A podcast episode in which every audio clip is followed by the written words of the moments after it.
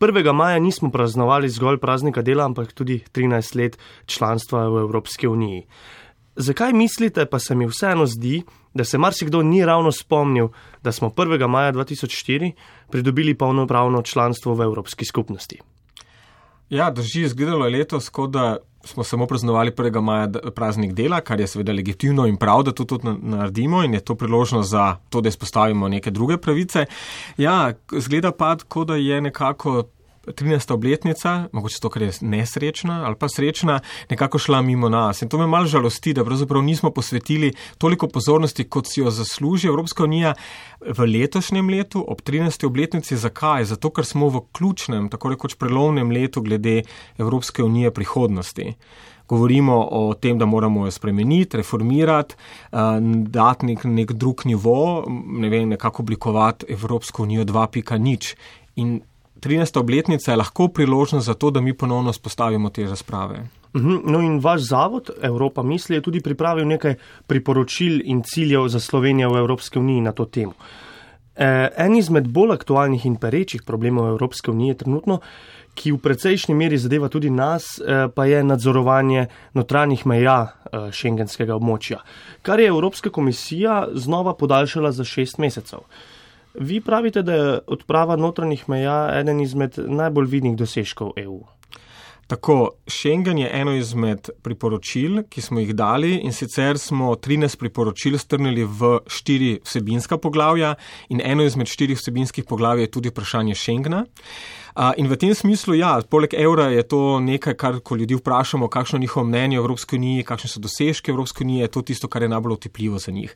Je pa seveda to tudi, kar je najbolj otepljivo v zadnjih nekaj tednih zaradi nadzora na mejah. In seveda je ta Schengen pravzaprav dvorezen meč. Ne? Po eni strani smo mi zunanja evropska meja in se tega zelo striktno držimo, ker se seveda bojimo, da bodo Avstrici uh, uvedli še bolj striktne kontrole na meji, kot so že sedaj. Po drugi strani pa dobimo seveda potem tudi tuš nazaj z Evropsko Evropske unije, ki podaljša veljavnost eh, avstrijskega notranjega nadzora v Schengenu za naslednjih šest mesecev. Ne? Ampak to je nažalost na neka realnost, v kateri živimo danes. Zakaj? Zato, ker se določeni ukrepi sprejemajo. Tudi zaradi tega, ker ljudje pričakujejo več od Evropske unije na področju Schengena. Če vprašamo ljudi, kaj, se, kaj želijo, da Evropska unija naredi na področju Schengena, želijo večji nadzor nad zunanjimi mejami. In ko to naredimo, imamo seveda uh, zelo dolge čakalne dobe na meji s Hrvaško, nam to ne paše, po drugi strani pa seveda ne paše, ko imamo pa tudi kontrolo na avstrijski meji. Tako se pravzaprav moramo odločiti, kaj želimo od tega Schengena kot Slovenija. In kaj želimo? Slovenija je kot gospodarstvo, ki je zelo izvozno usmerjeno, mu seveda notranje meje predstavlja dodatni strošek. In gospodarsko, če pogledamo, moramo zagovarjati odpravo notranjih meja, ker nam to drugače bi povzročilo prevelike gospodarsko škodo. In konec konca gre tudi za psihološki eh, moment, zato da ljudje, ki smo se nekako navadili, da ni več kontrole na notranjih meja, mejah Schengena in če bomo ponovno uvedli, to seveda predstavlja, da Evropska unija gre eno, en, en nivo nižje, kot je bila. In to je slabo za Evropsko unijo na dolgi rok. Pa dejansko mislite, da v bližnji prihodnosti ali pa tudi daljni, kot ste tudi zapisali v priporočilih, kam se še lahko razvije uh, šengensko območje in nadzorovanje meja? Če govorimo konkretno o Schengenu, se bomo morali navaditi za to, da bodo večje kontrole na naših zunanjih mejah. Uh, to je tudi pričakovanje evropskih državljanov, ko jih vprašamo, med 60-70 odstotkov ljudi je prepričanih, da je potrebno boljše nadzorovati uh, zunanje meje Evropske unije in to predvsem zaradi tega, uh, zaradi boja proti, uh, proti terorizmu. In to je neko, nek uh, ukrep, ki ga mi pričakujemo seveda pa potem nismo veseli, ko, ko se seveda uh, zadeva obrne, obrne v drugo smer in to so daljše meje. Tako da je realno Schengena ta, da bomo morali okrepiti uh, varnost znotraj Schengena, kar pa seveda pomeni večji, večji nadzor nad zunanjimi mejami in tudi nekako bomo verjetno in tudi v smer gre že tudi zakonodajni predlogi na evropski ravni, nek sistem be, beleženja tudi tistih, ki ne rabijo vize in lahko stopijo brez vizome v, Evrop, v evropski prostor, kot recimo državljani Zahodnega Balkana, ameriški državljani in tako naprej. Tako da ta sistem, ki ga je recimo Amerika uvedla, tako imenovana ESTO, ne, neko, nek pričakujemo, da bo neka uh, evropska verzija ESTE pravzaprav uh, sprijeta v naslednjih mesecih, letih. Zadnja raziskava Eurobarometra kaže, da v Sloveniji 45 odstotkov ljudi vidi članstvo v Evropski uniji kot dobro stvar.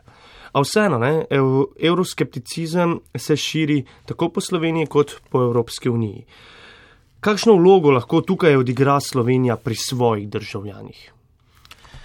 Če citiram nekatera od naših priporočil in zelo eno poglavje v priporočilih je uh, namenjeno upravljanju najprej z evropskimi zadevami, torej kako mi dojemamo Evropsko unijo z evropsko zakonodajo v državi, kako se na zakonodajne predloge uh, uh, nekako odzivamo in četrto poglavje je pa pravzaprav vprašanje dialoga z državljani. Tako da je treba gledati tako eno in drugo. Dialog je tisto, katerega sam uh, uh, pričakujem veliko več, da bo tega dialoga več, ne manj. In ga, nekako smo ga videli veliko na začetku leta in veliko manj, zdaj vidim nekakšne nastavke, da bi ta dialog z državljani stekel. stekel in v naše priporočilo je, da se te, te razprave z državljani pravzaprav morajo morajo nekako voditi na lokalni, tako imenovani grassroots uh, ravni. Torej, da ne nimamo razprave, ki prihajajo od zgore na vzdolj in so ponavadi v Ljubljani, ampak da gremo resnično v lokalno okolje, kjer imamo pogovor ne samo z državljani kot takšnim, ampak tudi z vsemi ostalimi ključnimi deležniki in takšnimi, ki smo jih tudi mi konec koncev poskušali združiti v teh naših regionalnih razpravah. To so pa od gospodarstvenikov, podjetnikov, politikov, start-upov, uh, uh, predstavnikov razvojnih agencij, poslancev državnega zbora.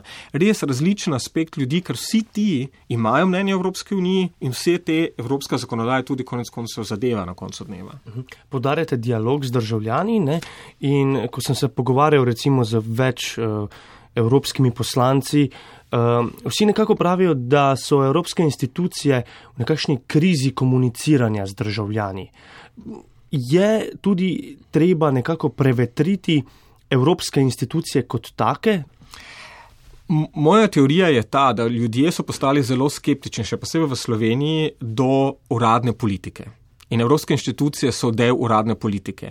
In v tem smislu vidim seveda možnost, da evropske inštitucije se nekako morajo odzvati na ta trend, ki se pojavlja predvsem mladi, pa tudi vsi ostali, so postali zelo cinični tudi do, do politike in to kažejo na ta način, da ne verjamejo več uradnim inštitucijam. Zaradi tega je moja teorija ta, da je treba podpreti razne, razne uh, ustanove, nevladne organizacije, civilna združenja, gospodarska združenja in tako naprej, ki imajo nek sloves in jim ljudje zaupajo na lokalni ravni in jim zaradi tega potem lahko steče dialog popolnoma drugače, kot če bi stekel v smislu top-down, se pomeni, da od zgore na vzdolj prihajajo neke, neke, neke sporočila. In to je načeloma problem ne samo evropske inštitucije, tudi države, ki zelo komunicira pravzaprav od zgore na vzdolj. In zaradi tega tudi prihaja do euroskepticizma, kot tudi vidimo konec koncev na nizozemske in francoske volitve, ki so zdaj pokazale, je ravno to, da ljudje imajo občutek, da jih nihče ne razume, da jih ne sprašuje, da se njihovo mnenje ne šteje. In to je pa potem nekako možnost, kjer lahko euroskeptični misli pridejo veliko bolj v spredje. No in mogoče se tudi naslednje vprašanje malce navezuje na to, ni dolgo, kar je naš premijer dejal, da v Sloveniji ni treba skrbeti zaradi evropskega scenarija Evropa več hitrosti. Am, ampak vseeno, ne, koliko se s tem strinjate, glede na našo majhnost, bi lahko rekli, da nas mora kar malce skrbeti. Slovenija mora predvsem narediti domačo nalogo v smislu, da bo sama sebe najprej sprijela kot verodostojno državo članico. Potrebujemo neko evro, uh, potrebujemo nek uh, evro optimizem ali pa evro samozavest v smislu, da bomo znali sooblikovati evropsko politiko. To pa mora predvsem temeljiti na tem, da bomo imeli prave inpute iz terena, če temu tako lahko rečemo, državljanov, gospodarstva, civilne, civilne združenje in tako naprej.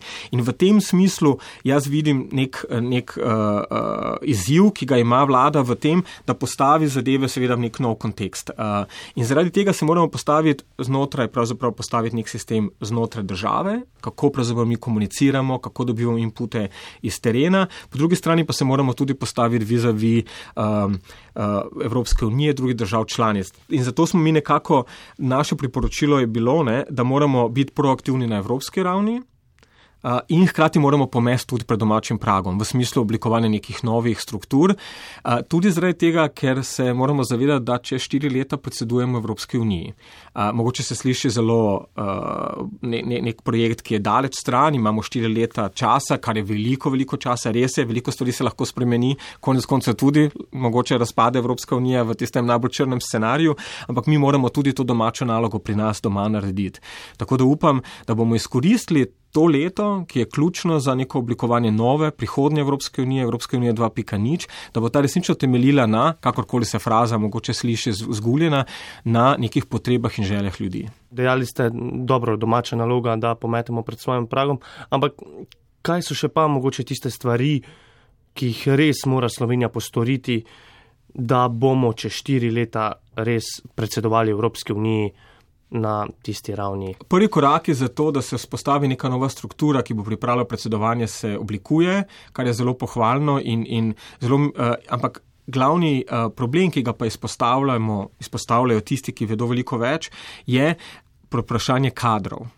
Mi pravzaprav uh, smo zelo kadrovsko podkrepljeni, ko pride pravzaprav uh, do, do kadrov uh, in zaradi tega moramo vlagati v kadre. In ne to ne samo v nove kadre, potrebujemo neko novo mlado kri, ki bo prišla z nekimi novimi, svežimi idejami, krati pa tudi pogledati, kdo so tisti posamezniki, ki so znotraj državne uprave, ki zelo dobro delajo na evropskih zadevah in pravzaprav jih nekako uh, opolnomočiti v smislu, da bodo lahko opravljali to zelo pomembno vlogo v predsedovanju. Predsedovanje ni samo ljudje, ki jih pošljemo v Bruslju pravzaprav gre za sistem, ki ga moramo zelo dobro spostaviti v Sloveniji. Včasih smo imeli boljši sistem uh, upravljanja z evropskimi zadevami po ministrstvih, tudi boljšo koordinacijo smo imeli znotraj medministrstvi preko tako imenovane službe vlade za evropske zadeve.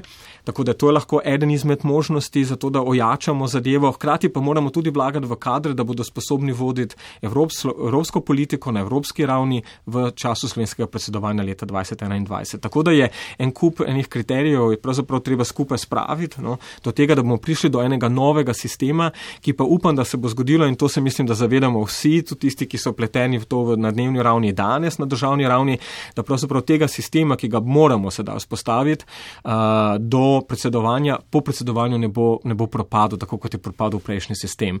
Tako da me zelo veseli, da je ta nek nov moment nastal, da bomo imeli kader, da bomo imeli strukturo, ki pa moramo samo nadaljevati potem po predsedovanju, da se ne bo zgodilo to, kar se je zgodilo konec konca leta 2008, ko smo pravzaprav šli navzdol in sedaj pravzaprav vidimo še zdaj posledice tega, eh, tega propada tega sistema. Pripravili ste priporočila za prihodnost, vendar delovati je treba hitro in učinkovito, da se bo čez eno leto javnost mogoče malo bolj spomnila 14. Eh, obletnice vstopa v Evropsko unijo.